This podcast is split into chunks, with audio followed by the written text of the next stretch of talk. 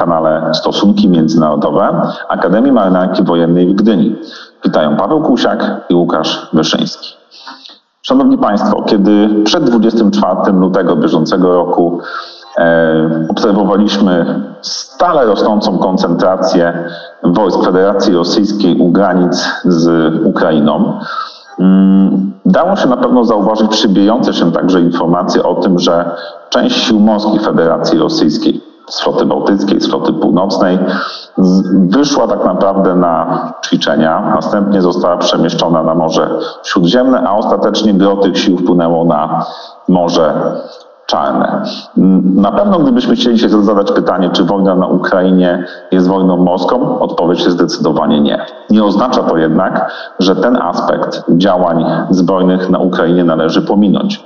I temu zagadnieniu chcielibyśmy poświęcić naszą dzisiejszą rozmowę.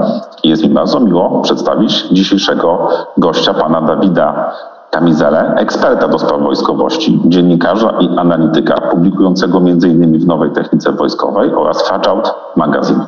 Panie Dawidzie, witamy bardzo serdecznie. Dzień dobry, dobry wieczór.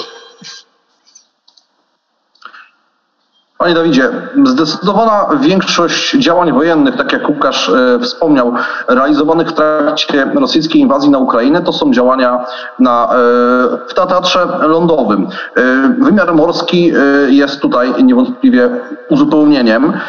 Zresztą masa zdjęć, materiałów wideo, do których mamy codziennie dostęp, jesteśmy nimi wręcz bombardowani, tą tezę potwierdza ale jeżeli można, e, no nie możemy zapomnieć o Morzu Czarnym. I tutaj tak dla porządku chciałem pana zapytać, jak wyglądają dotychczasowe działania obu stron na Morzu Czarnym, strony e, ukraińskiej i strony rosyjskiej, no i jakimi potencjałami w ogóle e, dysponują obydwie z tych stron. No i najważniejsze tutaj ostatnie, jakie są cele na Morzu Czarnym obydwu graczy.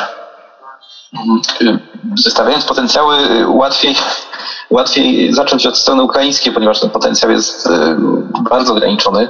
Ja sam przyznam, że byłem na bieżąco powiedzmy te dwa, trzy lata do tyłu i dopiero w momencie rozpoczęcia tego konfliktu sobie tak szybko e, postarałem sprawę przybliżyć. Byłem, e, przyznam, zaskoczony, że jest aż tak źle, bo musieliśmy zacząć od tego, od tego momentu, w którym zaczął się konflikt, bo teraz jest jeszcze gorzej, co też jest oczywiste.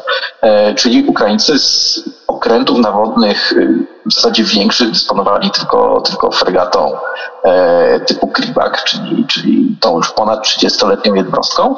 I co najlepsze, jeszcze ona się niestety w tym momencie znalazła w trakcie całkiem e, dużego remontu w, w jednej ze stoczni ukraińskich, więc została jeszcze na dodatek wyłączona z działań, e, co potem doprowadziło do takiego, a nie innego czy końca tej jednostki, ale to nie wybiegajmy do przodu, czyli powiedzmy, że była ta jedna fregata rakietowa w trakcie remontu, był jeden okręt rakietowy, mały okręt rakietowy i kilka różnych typów patrolowców, y, czy to tych y, przekazanych przez Stany Zjednoczone, czy jeszcze z okresu ZSRR, czy kilka tych najmniejszych jednostek, które zostały budowane już przez Ukraińców. I de facto z, z potencjału okrętowego to było tyle. Oczywiście plus jakieś jednostki pomocnicze E, do tego, e, z tego co kojarzę, to dwie brigady piechoty morskiej e, i, i de facto jakieś lekkie lotnictwo łącznikowe, tego typu rzeczy, więc aha, nie, nie można zapominać również o tym, że um, pojawiają się wątpliwości odnośnie rakietowego systemu obrony wybrzeża, czyli tego, tego systemu Neptun, który zgodnie z tym normalnym pokojowym harmonogramem miał trafić y, na stan floty w kwietniu E, przy czym, biorąc pod uwagę, że tak dużo nas nie dzieliło tego kwietnia, to można podejrzewać, że pewne elementy tego systemu e, mogą być już na uzbrojeniu ukraińskiej floty, ponieważ jeżeli mieliśmy już te kilka miesięcy narastania napięcia, to, to byłoby to bardzo dziwne, gdyby, gdyby te prace nie zostały w pewien, w pewien sposób, w pewnym stopniu przyspieszone. E, więc być może ja, ja uważam, że zapewne pewne jakieś tam jednostki ogniowe tego systemu są w linii. To by było bardzo dziwne, gdyby nie były, ale Ukraińcy w żaden sposób tego nie potwierdzają, nie zaprzeczają temu.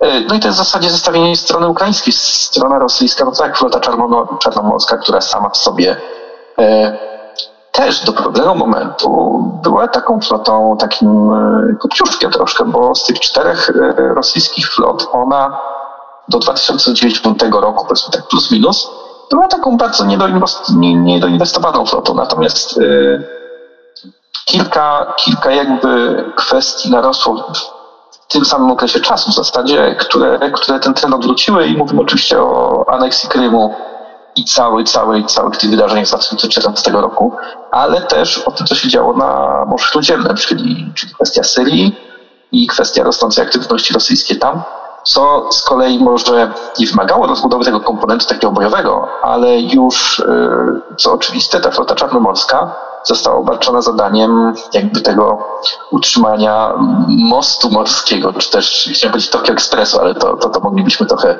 za daleko pójść po prostu tej, tej linii zaopatrzeniowej, głównie ze sprzętem, bo, no bo pewnie jeszcze żołnierzy to można jakoś dostać w inny sposób, pilotować, ale sprzęt musi, musi jednostkami płynąć i głównie to są jednostki, które szły przez Bosfor z Morza Czarnego trafiały do, do portów Tartus, tam pewne wyposażenie było wyładowywane, załadowywane, więc nawet jeżeli wcześniej ten potencjał floty czarnomorskiej y, ilościowo mógł powiedzmy być podobny, na przykład w kontekście okrętów zaopatrzeniowych czy transportowo-desantowych, to potem wymagania realne wobec tego potencjału były o wiele wyższe i to z pewnością też miało wpływ na dodatkowe, dodatkowe fundusze, dodatkowe remonty. To często, często jest tak, że teoretycznie będzie ilościowo się zgadzało, ale w wielu flotach tutaj, tutaj strumień pieniędzy, które idzie na samą eksploatację, zabezpieczenie e, robi różnicę. No i oczywiście te inwestycje już takie typowo jednostki bojowe, czyli e, w zasadzie sześć okrętów podwodnych tego ulepszonego typu kilo, czy tam warszawianek 636.3 albo coś w tym stylu w każdym razie, czyli okręty powiedzmy bazujące na naszym, na naszym Orle, ale już z wymienionymi systemami i przenoszące pociski manewrujące.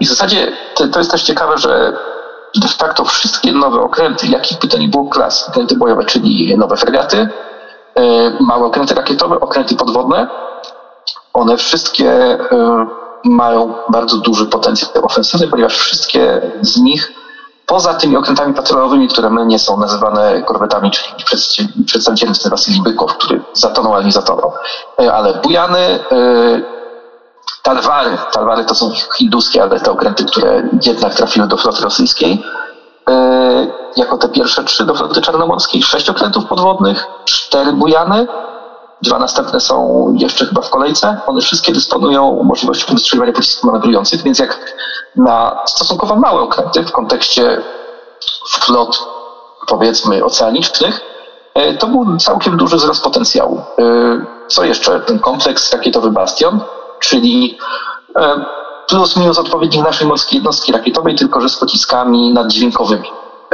Też był powiedzmy owocem wzmocnienia tej floty czarnomorskiej.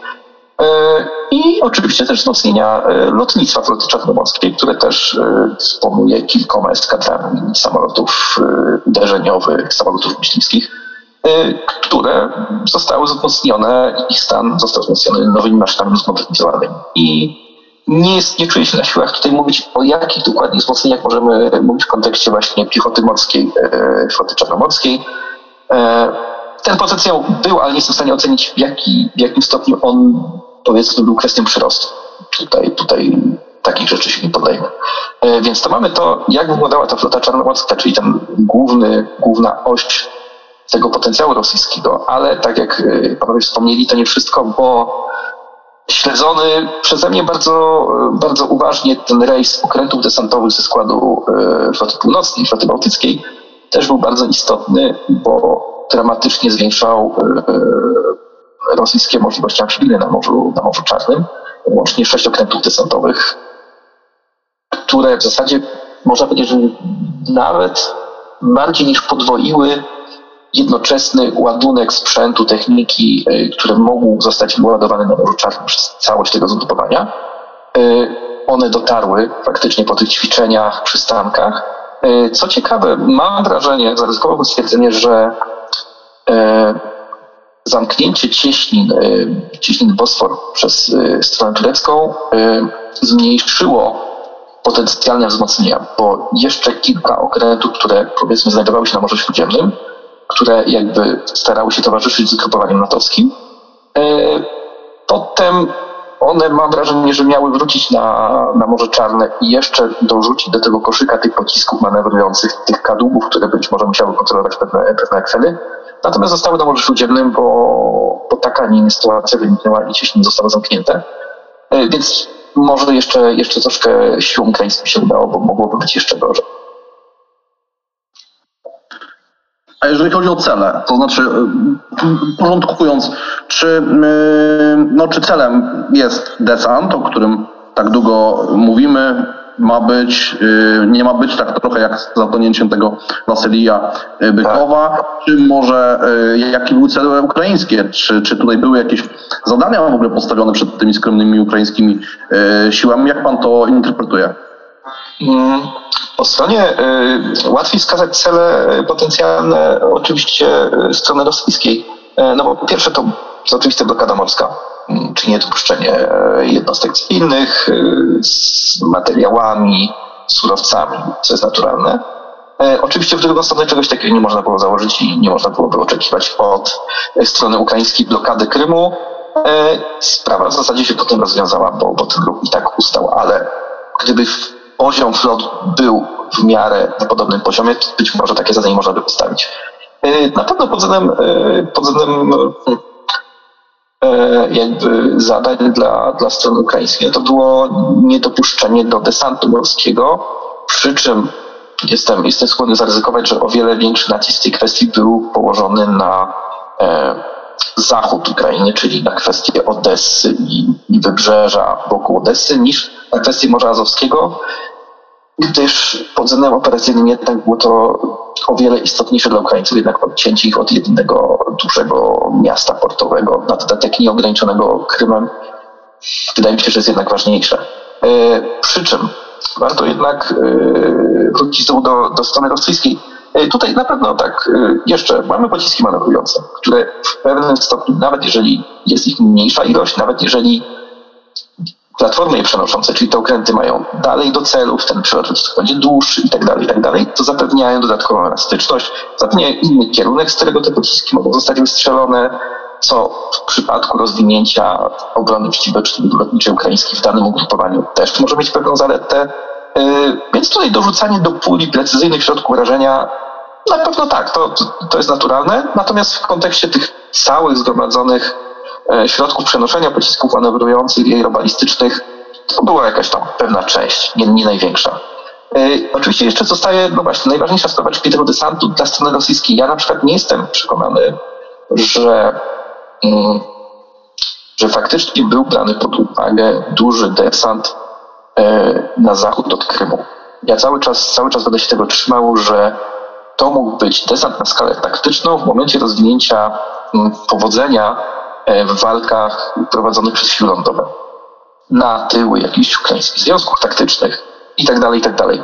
Natomiast nawet y, biorąc pod uwagę sześć nowych okrętów desantowych, ten potencjał, który mieli już y, Rosjanie na Morzu Czarnym, czyli około, to zależy jak liczymy sprawność tych jednostek, to nie jest do końca tak do jednej jednostki, na przykład nie jestem w stanie zacytować, ale to było około 10 okrętów desantowych łącznie, e, to byłyby góra dwa wzmocnione bataliony.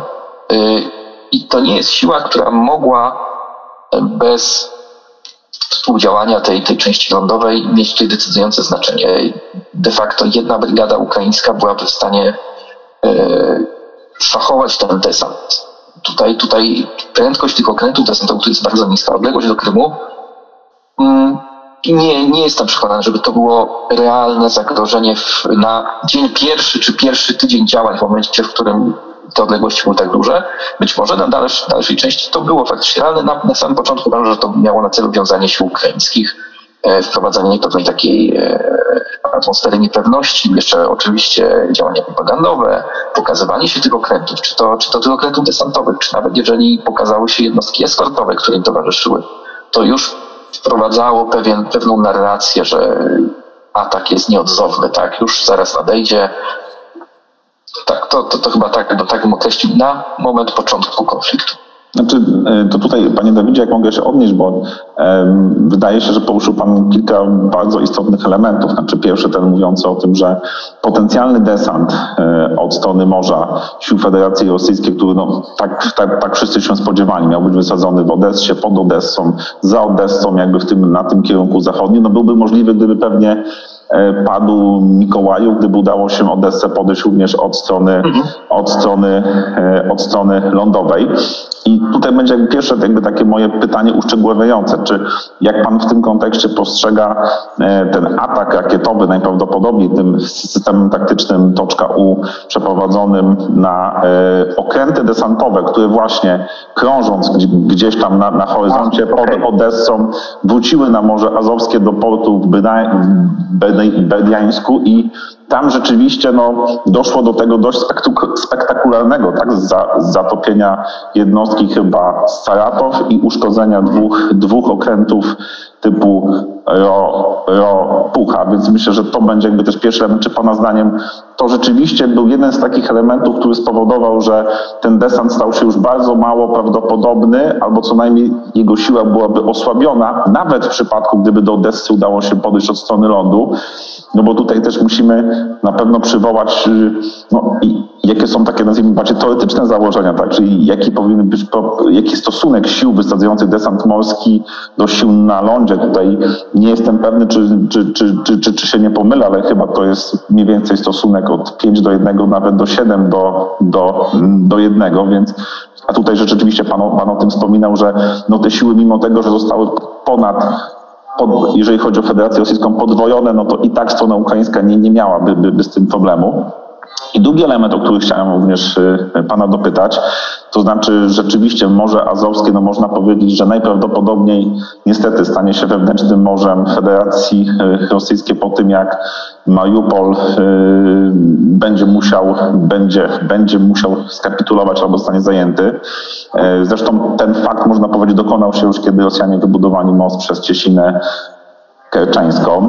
E, I tutaj rzeczywiście znaczenie Odessy i Mikołajowa jest o tyle istotne, że no gro jednak ukraińskiego eksportu, czy to właśnie e, stali, czy to jakiś zbóż, szło zawsze drogą morską. No dzisiaj, tak, tak jak pan powiedział, Ukraina, znaczy Ukraina de facto ma za, zablokowane Morze Czarne, Rosjanie to morze kontrolują. I czy uważa pan, że gdyby Ukraina również po tym roku 2014, gdzie rzeczywiście no, zdecydowana część i potencjału ich floty, która i tak nie, nie, była imponująca, została, e, została albo pokonana, albo nawet przejęta, to czy gdyby Ukraina w większym stopniu rozwinęła to właśnie, o czym Pan powiedział, czyli e, zdolności e, rażenia z lądu celów na morzu, tak? No przecież słyszy się o tym, że stronie ukraińskiej może będą przekazane pociski przeciwokrętowe Harpun, tak, albo na przykład posiadałaby zdolności w zakresie działania okrętów podwodnych, które byłyby w stanie przed rozpoczęciem wojny wypłynąć na Morze Czarne, to czy takie działanie byłoby w stanie potencjalnie pokrzyżować plany Federacji Rosyjskiej, no i na przykład uniemożliwić im tą całkowitą blokadę Morza Czarnego? Tak, to yy, odnośnie, odnośnie tego zgrupowania desantowego, yy, tutaj yy, pierwsze, że to jest, to jest kwestia, która, jeszcze pewnie długo, długo będzie, będzie, będzie kwestią rozważań. E, co właściwie się stało w tym Berdiańsku, bo e, tutaj doniesienia są bardzo, bardzo sprzeczne i e, no, mamy w zasadzie trzy, trzy scenariusze, czyli tak, no pierwsze faktycznie, w zasadzie cztery, bo pierwszy to jest jakiś błąd rosyjski, niska kultura techniczna przy wyładunku amunicji, tego typu rzeczach. Drugie to jest e, sabotaż być może jakiejś grupy dywersyjnej e, ukraińskiej e, z sił specjalnych. Natomiast trzecie i czwarte w zasadzie, po pierwsze to jest atak rakietowy, skuteczny atak rakietowy, tam pojawiały się doniesienia, że to mógł być pocisk balistyczny krótkiego zasięgu, czyli ta toczka U, lub artyleria rakietowa, czyli wilchy. I de facto trudno, trudno tutaj, tutaj w tej chwili się odnieść. Ciekawostką w zasadzie Wszystkim, co można na ten temat powiedzieć w tym, momencie jest to, że gdyby faktycznie zostało potwierdzone, że to był pocisk balistyczny, to wedle tego, co ja próbowałem sobie jakoś jeszcze przypomnieć, to byłoby pierwsze zatopienie okrętu nawodnego pociskiem balistycznym w historii. Więc być może tutaj będziemy mieć akcent pierwszego takiego wydarzenia na świecie, ale chyba trzeba poczekać na potwierdzenie, bo biorąc pod uwagę skalę e, wpadek rosyjskich, nie wykluczałbym tego, że Rosjanie sobie sami zgotowali ten los, e, nic, e, nic tutaj nie umieszając się ukraińskim, które swoją kompetencję w wielu przypadkach pokazały, więc tutaj, tutaj tak by to wyglądało. Co do, co do tego desantu, no właśnie jest jeszcze kwestia tego, że te siły desantowe rosyjskie to są te, mm, siły jakby jeszcze posowieckie, pomijając jedną jednostkę, czyli Bangrę, to są jednostki, które, które w założeniu zostały skonstruowane do bezpośredniego wyładowania desantu na, na nieumocniony brzeg, jeszcze wsparcia go ogniowego w pewnym stopniu, no i zawrócenia, jeżeli któraś z nich przetrwała, to, to być może jeszcze dowiezienie jakiegoś tam drugiego, drugiego rzutu. Natomiast to to jest największy problem z nimi związany, bo one są bardzo wolne. I to, co powiedzmy w przypadku jednostek e, zachodnich, gdzie mówimy o śmigłowca owca, o, o większych okrętach przenoszących na poduszkowce desantowe, e, jednostki nawet o, łącznie o takim samym tonażu byłyby w stanie taką operację wykonać szybciej, co oznaczałoby, że być może szybciej byłyby w stanie takie siły wzmocnić dalej. Tutaj to dojście tych rosyjskich jednostek desantowych do brzegu, gdyby zakończyło się powodzeniem, oznaczałoby, że bardzo długo drugiego rzutu albo nawet de facto zagrożenia dalszego by nie było, bo te jednostki musiałyby wrócić do portu, co bardzo długo trwało. Być może przyjąć na pokład kolejne jednostki zmechanizowane, zmotoryzowane i znowu przejść w ten akwen, co de facto dla Rosjan moim zdaniem oznaczało, że o wiele lepiej jest, gdy te jednostki znajdują się na morzu i daje im o wiele większy zysk z tego, niż to, że nawet taki desant zostałby wykonany. Pomijam tu w tej chwili kwestię tego, czy oni byliby w stanie de facto ten desant pod względem e, wsparcia ogniowego, zarówno prowadzonego z morza, jak i przez e, siły powietrzne w ogóle zabezpieczyć. Przed wojną powiedziałbym, że tak, owszem, są w stanie to zrobić. Po pierwszych dniach i tygodniach już nie jestem tego taki pewien. E, teraz kwestia numer dwa, czyli no właśnie, to jest, to jest coś, nad czym ja się też bardzo, bardzo często zastanawiam i, i nie mam jednoznacznej odpowiedzi. E, wydaje się, że faktycznie e, pozyskanie być może używanych okrętów podwodnych, jakichś tam 20-30-letnich, e, miałoby bardzo duży wpływ na to, w jaki sposób rosyjskie siły by operowały na, Morzu Czarnym. Wyobraźmy sobie nawet taki scenariusz, w którym ataki rakietowe prowadzone są pociskami manewrującymi de facto z główek portu w Sewastopolu, bo są takie nagrania, nie byłyby możliwe do przeprowadzenia, bo te okręty, nosiciele tych pocisków byłyby zagrożone i po pierwszym takim strzeleniu e, mogłyby zostać e, zwyczajnie zatopione czy uszkodzone. E, oczywiście kwestia już żeglugi e, cywilnej, czy nawet dostarczenia tych sił na e, Morze Azowskie również dopóki mówimy o, o, o, dojściu na Morze Czarne i do, do, do cieśni na Morze Azowskie, oczywiście to by odpadało. Y, wydaje mi się, że tutaj y, Ukraińcy powinni, może, może ten system Neptun y, troszkę, troszkę za długo trwało wprowadzanie go, ponieważ tak, no, mieli troszkę, trochę w przeciwieństwie do nas gotowe de facto części systemu rozpoznawczego, czyli te Bayraktary, które również trafiły do ukraińskiej floty. Natomiast brakowało im efektorów. U nas do, do pewnego momentu pozyskaliśmy nadbrzeżną jednostkę rakietową, potem łatwą jednostkę rakietową. Natomiast wskazywanie celów to bryzy. Teraz pojawiają się Bayraktary, ale w siłach powietrznych. Pojawia się program Albatros, czyli bez załogowców dla brigady lotniczej ale jakby kierunek jest taki, najpierw mieliśmy efektory, potem powoli pewne zdolności rozpoznawcze. U nich gospodarcze się pojawiły, natomiast y, troszkę nie zdążyli z tą częścią uderzeniową. E, jaki mógłby być kształt? Ja cały czas uważam, że w przypadku okrętów podwodnych, czy, czy ogólnie tego typu działań, my, będąc w sojuszu północnoatlantyckim, jesteśmy w uprzywilejowanej pozycji, bo nawet w przypadku zablokowania, zaminowania, czy znacznego uszkodzenia portu w Gdańsku, czy nawet portu w Gdańsku, świadomość całych zespołów portowych, umówmy się, e, dalej jesteśmy w stanie odtworzyć gotowość takich jednostek, bo sojusznicy nawet wspierając nas pośrednio byliby w stanie nawet nam zabezpieczyć po prostu punkt manewrowego bazowania, e, gdzie czy nasz zaopatrzeniowiec byłby w stanie uzupełnić takie amunicje czy, czy materiały pędne, czy sojusznicza jednostka, więc mamy tą głębię operacyjną, którą Ukraińcy do momentu, w którym nie będą w sojuszu północnoatlantyckim, nie będą dysponować, albo nie, nie znaleźliby się w jakimś sojuszu bilateralnym, tak, z Rumunią, czy, czy, czy choćby z Turcją, to już oczywiście można w tym kierunku iść. Natomiast mając tylko jeden port, e, operowanie tymi siłami na, na progu Sewastopola i Krymu mogło być jednorazowe i faktycznie wtedy inwestycja w okręty podwodne mogłaby być troszkę takim drogim i jednorazowym przedsięwzięciem.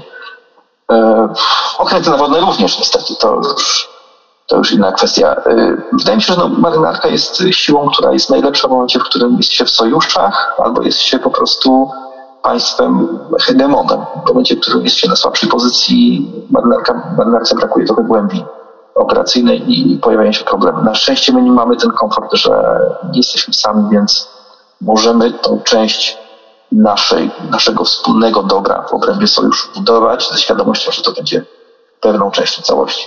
Znaczy to tutaj y, wydaje się, że tak naprawdę wywołał Pan moje kolejne, kolejne pytanie, no bo szukając od, od, odpowiedzi na to, czy Ukraina mogła myśleć trochę w inny sposób y, pod kątem obrony Morza, Morza Czarnego, y, swoich wód, ograniczania, tak jak Pan powiedział, tak naprawdę realnie zdolności do, do działania sił rosyjskich, E, no nie, nie sposób uciec od pytania, mm, jak to, co dzisiaj dzieje się na, pod, znaczy w trakcie wojny na Ukrainie, to, co dzieje się na Morzu Czarnym, e, jakie z tego wnioski powinna wyciągnąć Polska i w tym polska marynarka wojenna. No na pewno wszyscy obserwujemy, że polskie siły zbrojne są na etapie przebudowy, modernizacji. Ona oczywiście przebiega różnie w zależności od tego, e, jaki obszar będziemy analizowali, ale no zdajemy sobie sprawę, że marynarka jest e, tym rodzajem sił zbrojnych, które można powiedzieć najpilniej wymaga e, wzmocnień.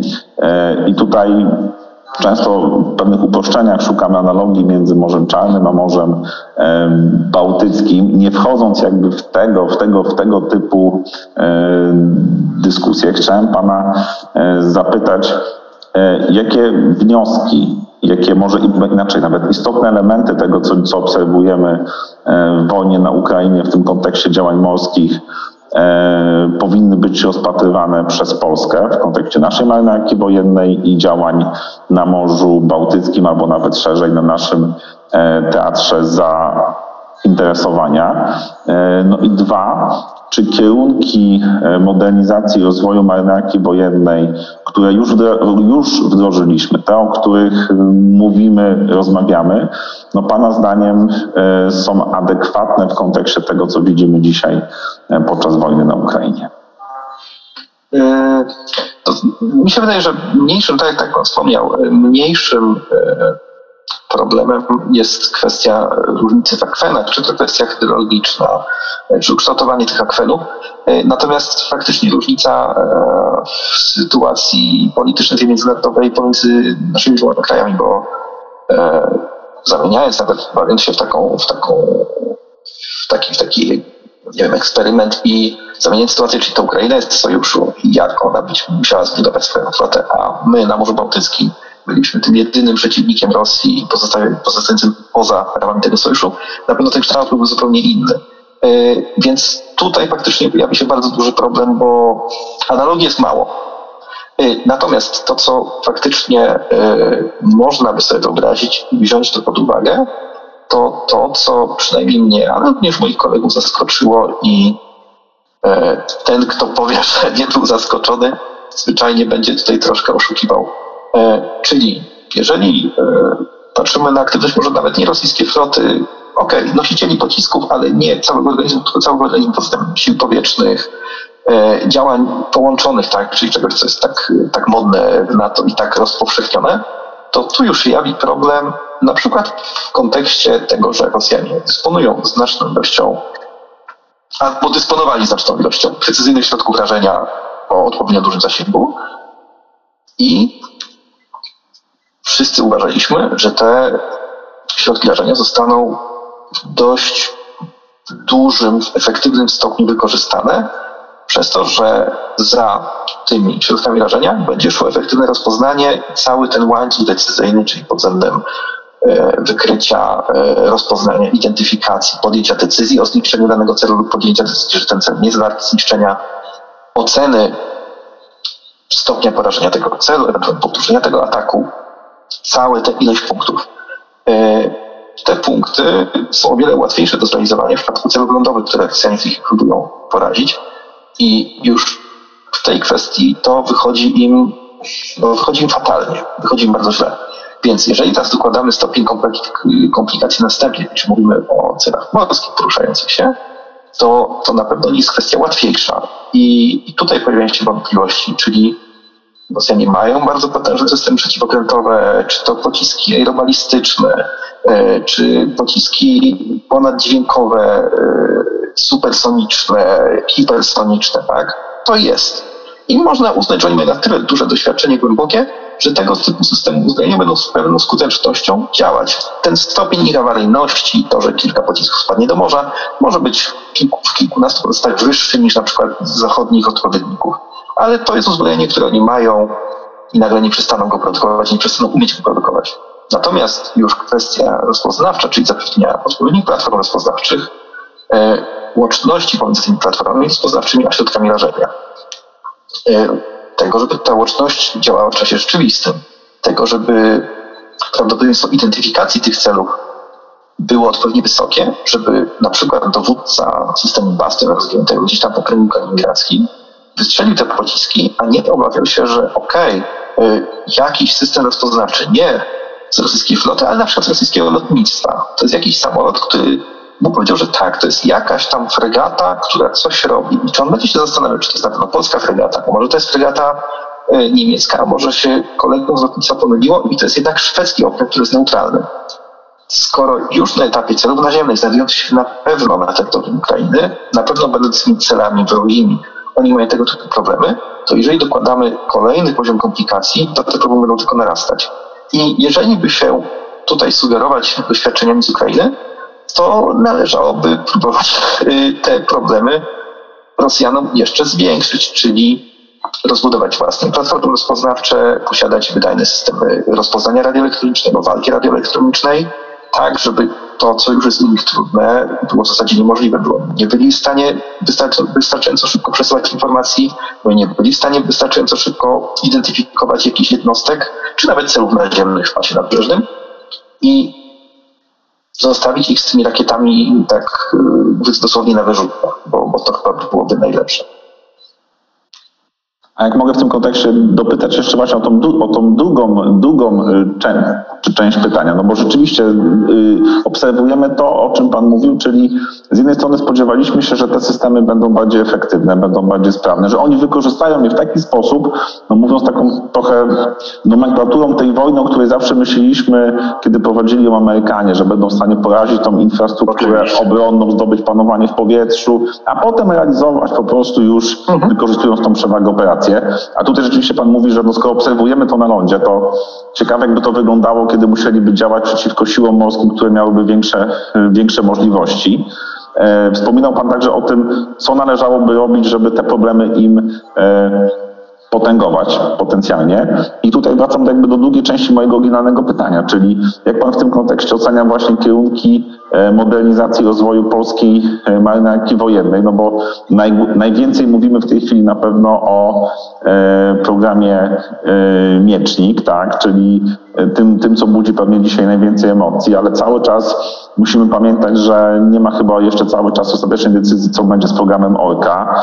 Słyszymy, że będziemy, że będziemy zamawiać kolejne trzy jednostki, jeżeli chodzi o niszczyciele min. Jak pan uważa, czy te kierunki właśnie wpisują się e, w to, co widzimy dzisiaj na tym morskim teatrze wojny, wojny na Ukrainie, czy powinniśmy tutaj myśleć o jakichś istotnych korektach? Tu chyba, chyba właściwie nic, nic więcej nie da się myśleć, żeby się jest kwestia ilości alokowanych środków, które na przykład w perspektywie no, programu modernizacji technicznej do 2035 roku, bardzo dalekiej perspektywie, ale już takiej wyobrażalnej, zostaną na to przeznaczone, bo to de facto lista potrzeb i jakby mm, mm, szybkość czy kolejność realizacji już jest ustalona. I, I tutaj w zasadzie jest kwestia, będzie trochę więcej pieniędzy, te kolejne punkty z listy będą realizowane trochę szybciej, będzie mniej pieniędzy, będą niestety realizowane wolno. E, być może wtedy przyjdzie e, nam sięgnąć po nasze ulubione rozwiązanie pomostowe, na przykład w przypadku okrętów podwodnych, czy innego typu zdolności. E, natomiast widzę to w ten sposób. Tutaj w tej kwestii chyba nic za dużo się nie da robić. Natomiast to, co faktycznie również zdaniem na przykład moich kolegów służących w marynarce wojennej i w innych rodzajach sił zbrojnych kuleje i byłoby stosunkowo nisko kosztowym rozwiązaniem zdecydowanie zwiększającym potencjał marynarki wojennej i innych rodzajów sił zbrojnych, to jest to, co kuleje u Rosjan, to, co kuleje u nas, czyli właśnie współdziałanie na poziomie różnych rodzajów sił zbrojnych. Bo sięgając nawet po e, jednostkę, po potencjał, który w tej chwili mamy, czyli morską jednostkę rakietową. To jest jednostka dysponująca 48 pociskami gotowymi do odpalenia. To jest potencjał w zasadzie wystarczający na flotę bałtycką, jeszcze kawałek kolejnej floty, która by została pewnie tutaj wzmocniona. Natomiast e, marynarka wojenna sama w sobie, jeżeli odliczymy brigadę lotnicze marynarki wojennej, to już w ogóle jest e, dramat, nie dysponuje własnymi siłami, środkami rozpoznawczymi wydajnymi, pozwalającymi sięgnąć na tyle daleko, żeby zabezpieczyć faktyczne operowanie morskiej jednostki rakietowej, zapewnić jej e, ten rozpoznany obraz sytuacji morskiej, targeting, to wszystko, o co ja na przykład y, posądzałem Rosjan, a czego oni właśnie nie, nie dysponują. I tego typu zasoby będą na przykład w posiadaniu sił powietrznych, czyli w tej chwili to są samoloty F-16, y, to będą samoloty F-35. Y, mówi się o posterunkach aerostatów, czyli balonów rozpoznawczych, które mają również powstać. One będą miały bardzo duży zasięg. Jeden z tych posterunków ma postać na wybrzeżu, ale znowu to nie będzie zasób marynarki wojennej. W jaki sposób to ta wymiana informacji będzie przebiegać. Ale to nie dotyczy oczywiście tylko, tylko tego aspektu, ale choćby czy zwalczania okrętów podwodnych, gdzie mamy Lotnictwa Marynarki Wojennej e, i okręty nawodne. Okręty nawodne w trzeciej flotyli okrętów Brygada Lotnictwa Marynarki Wojennej to jest Inspektorat Sił Powietrznych, który na przykład potrzeby pod względem śmigłowców e, czy stałopłatu rozumie troszkę inaczej. E, czy takie rozwiązania są w innych krajach? Tak ale mam wrażenie, że ten poziom współpracy, zazębiania się, odpowiedzialności tych rodzajów sił zbrojnych jest troszkę bliższy. U nas troszkę, troszkę być może takich rzeczy brakuje i to jest, e, myślę, stosunkowo tani e, sposób na zwiększenie takich, takich zdolności, a mieczniki, mieczniki jak przyjdą, to będą tylko plusem dodatnim, będą kolejnym, kolejną, kolejną dobrą platformą i tutaj znowu możemy patrzeć w drugą stronę. Liczniki wejdą w skład marynarki tak?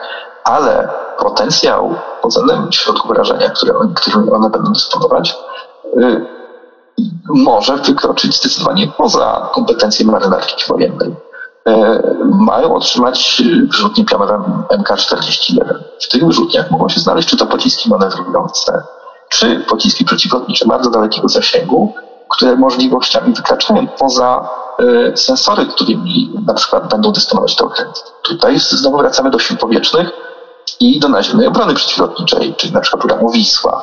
Wracamy nawet do kwestii y, instalacji Aegis Ashore w Redzikowie, która ma bardzo potężny radar. Y, to są kwestie bardziej doktrynalne, bardziej właśnie broni połączonych i bardzo bym chciał, żeby, żeby ta kwestia w kontekście właśnie problemów Rosjan, które, które właściwie chyba wyglądają tak samo. E, są różne rodzaje sił zbrojnych, są różne sensory, są różne platformy, są różne radary, ale kiedy przychodzi do tego, że to w warunkach powiedzmy takiej operacji u nas obronnej, tam zaczepni ma być faktycznie wykorzystane nie w ramach poligonu doświadczalnego w Syrii, gdzie jesteśmy w stanie ten u nas by się nazywał polski kontynent, kontyngent wojskowy Eksylia, tak? Wysłać, gdzie wysłalibyśmy jeden dywizjon y, ogniowy morskiej jednostki rakietowe. Wysłalibyśmy 8 F-16, wysłalibyśmy specjalsów, wysłalibyśmy którąś z tych o wysokiej gotowości brygad zmechanizowanych i to by działało. No, można założyć, tak by to działało, że to byłoby PKW Syria czy PKW Kanada w przypadku tarć. Gdzieś w Kanadzie czy PKW cokolwiek można wpisać. I to zapewne by zadziałało.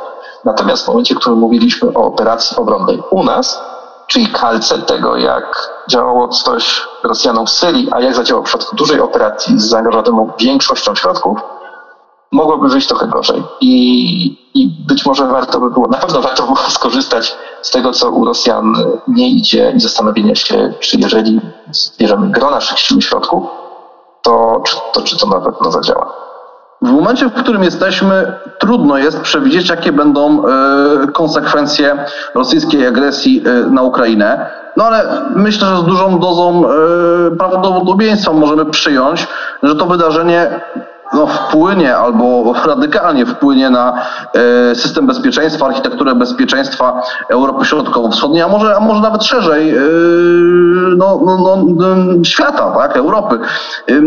No, istnieje pogląd, który myślę, że musimy poważnie rozważać, bez, bez, bez przesady, ale, ale, ale z szacunkiem taki, że po zakończeniu wojny na Ukrainie, miejmy nadzieję, jak najbardziej korzystnego dla, dla Ukrainy, choć tutaj też musimy być odpowiedzialni i jakichś takich hura optymistycznych scenariuszy y, nie powinniśmy, nie powinniśmy roboczo przyjmować, ale że y, nastąpi pewna, pewna pauza strategiczna, tak to określmy, trwająca, trwająca jakiś czas i w tym okresie wyklarują się pewnie kierunki przyszłej polityki i miejmy nadzieję, że, że jak najlepsze dla, dla, dla Europy, dla Polski, dla, dla Ukrainy, ale też są pesymistyczne warianty.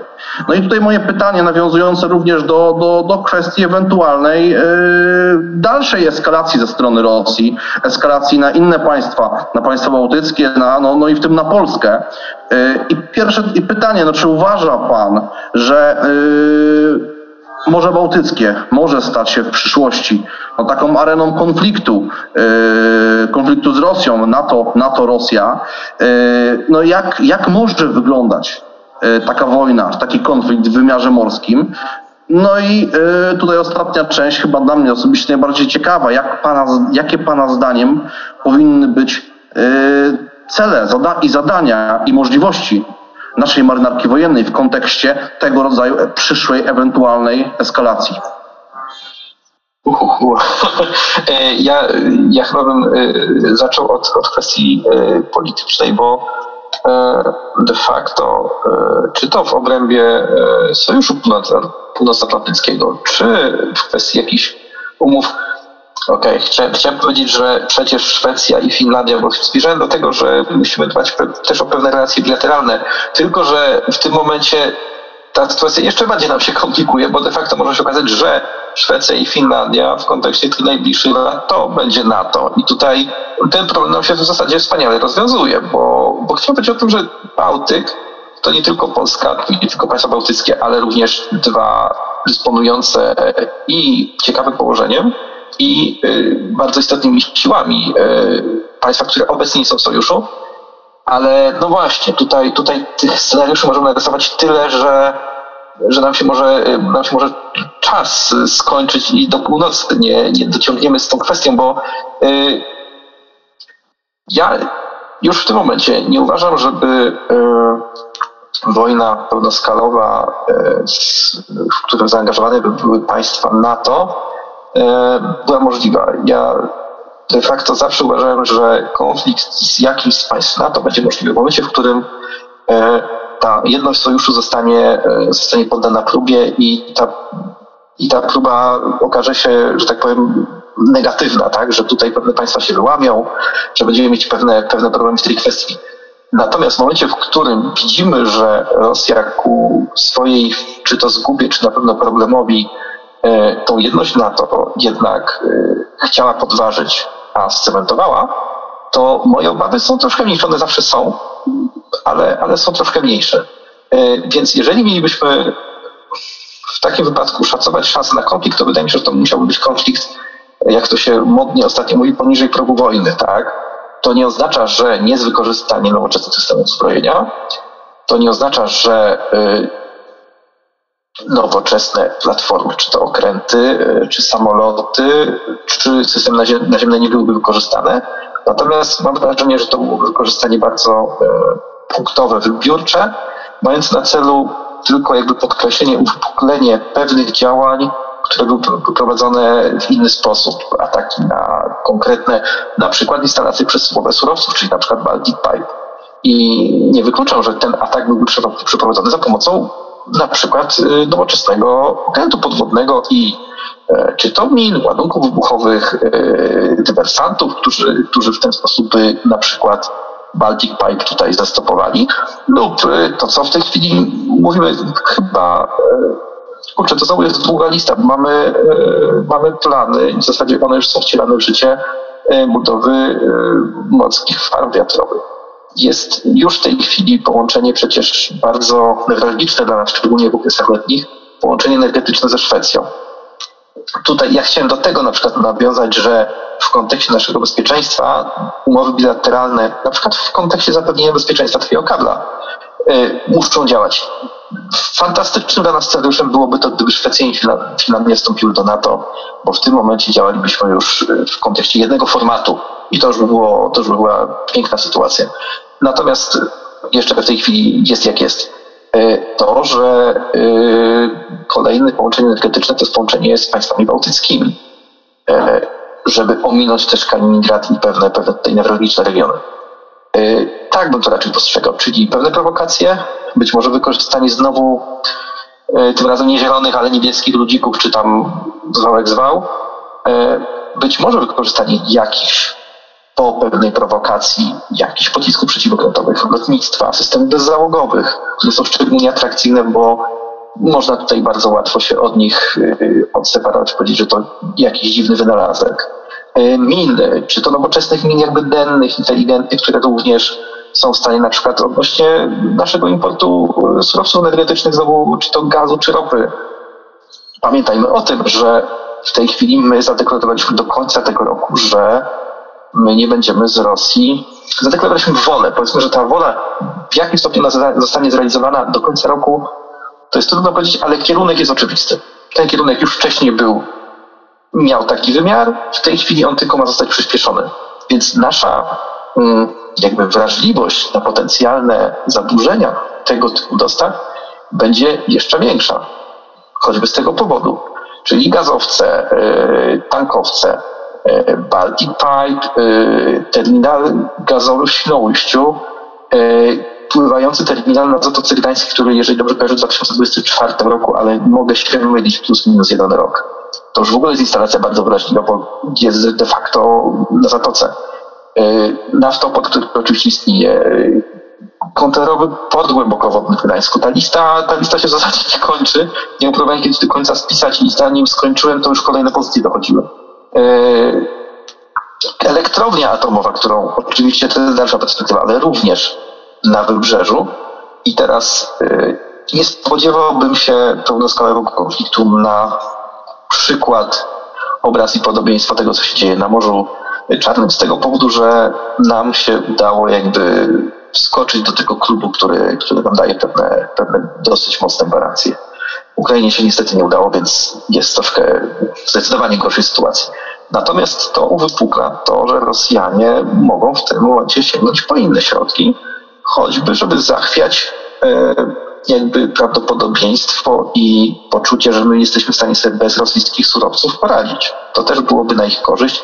Być może za 2-3 lata, kiedy już wojna na Ukrainie by przycichła, a ta dywersyfikacja, skierowanie się w stronę powiedzmy importu morskiego byłaby rozwinięta, nagle pewne jakieś wypadki, yy, na przykład blokowanie statków przez jakichś zielonych bardziej lub mniej zielonych faktycznie, a mniej lub bardziej czerwonych de, de facto, mogłyby skierować na przykład znowu spojrzenie na atrakcyjne ceny surowców od Rosjan. Takie scenariusze nie można wykluczać i na pewno musimy być na nie gotowi, co nie oznacza na przykład, że program Miecznik, który w zasadzie jest okrętem, Mieczniki mają być okrętami na wojnę. Bardzo dobrze, musi być tym bardziej realizowany, bo to, że my na Bałtyku będziemy postrzegać bezpieczeństwo trochę inaczej, to jest jedno, ale cały czas my chcąc czerpać czegoś z sojuszu, stety lub niestety musimy mieć swoje, swoje zabawki, które my do tej puli dorzucimy i co najważniejsze, to nie oznacza, że to mogą być jakiekolwiek zasoby, bo, bo nie o to chodzi. To nie o to chodzi w wspólnej obronie, że my będziemy tutaj pewne jakieś leciutkie zdolności, tak na przykład w tej chwili okręty typu OHP, e, które de facto są bardziej, bardziej potencjałem ilościowym niż jakościowym. Nie, bo to sojusznicy też to wiedzą, sojusznicy też to odnotowują i wiedzą w jaki sposób, jak bardzo realnie dane państwo podchodzi do współpracy sojuszniczej i tego zapewnienia wspólnego bezpieczeństwa. I odpowiedź niestety w następnym momencie może być podobna w drugą stronę, a nie tego oczekujemy. Oczekujemy, że nasze wsparcie naszego kraju będzie realne, więc to, co my jesteśmy w stanie zapewnić innym krajom w przypadku konfliktów na innych akwenach czy na innych teatrach, musi być również jakościowe, bo inaczej nikt nas nie będzie traktował poważnie. Znaczy to y, tutaj, panie Dawidzie, szanowni państwo, y, starając się podsumować y, to, to, co pan powiedział, to myślę, że no, najistotniejsze dwa elementy, czyli po pierwsze, My mamy to szczęście, że jesteśmy w NATO. To daje nam zupełnie inne możliwości, zupełnie inaczej możemy myśleć o potencjalnych przyszłych wyzwaniach, które będą przed nami stały e, nie tylko na Morzu Bałtyckim, ale jakby przechodząc do tego, co pan, co pan tutaj e, wskazał, e, lista potencjalnych zagrożeń na kierunku morskim, na obszarach morskich, polskich interesów na obszarach morskich jest naprawdę bardzo szeroka. Nie musimy ich rozważać tylko jako pełnoskalowy konflikt. To mogą być różnego rodzaju próby ataku zablokowania dywersyfikacji naszej infrastruktury krytycznej, które będą miały po prostu na nas wymusić pewne decyzje polityczne. E, A co za tym idzie, musimy myśleć o swoich zdolnościach e, w sposób y, wielowątkowy, współdziałania różnych rodzajów sił zbrojnych Rze- Rzeczypospolitej Polskiej, ale także właśnie zdolności do e, obrony tych części świata, które no, będą w tym momencie dla nas istotne, chociażby jeżeli chodzi o dostawy e, surowców, surowców energetycznych, no bo tak jak, tak jak nasz dzisiejszy gość, gość powiedział, w kontekście mnożących się e, elementów, które będą ważne dla naszego państwa, które właśnie związane są z morzem, będzie mnożyła się liczba potencjalnych scenariuszy, w jaki sposób można na tą infrastrukturę uderzyć, w jaki sposób można destabilizować naszą politykę i nasze, i nasze bezpieczeństwo. Panie Dawidzie, mamy nadzieję, że w kontekście tych licznych scenariuszy uda nam się jeszcze namówić Pana na jakąś e, rozmowę z, z nami. E, Z przyjemnością, z przyjemnością. Przepraszam, troszkę się właśnie na koniec, na koniec rozgadałem, ale, ale faktycznie tutaj liczba tych scenariuszy jest, jest trudna, trudna do wyobrażenia, a jeszcze de facto przecież jeszcze ten gorący konflikt się nie skończył i to jeszcze może pewnymi zwrotami akcji, oby nie, ale nie można tego wykluczyć, może to się jeszcze skończyć.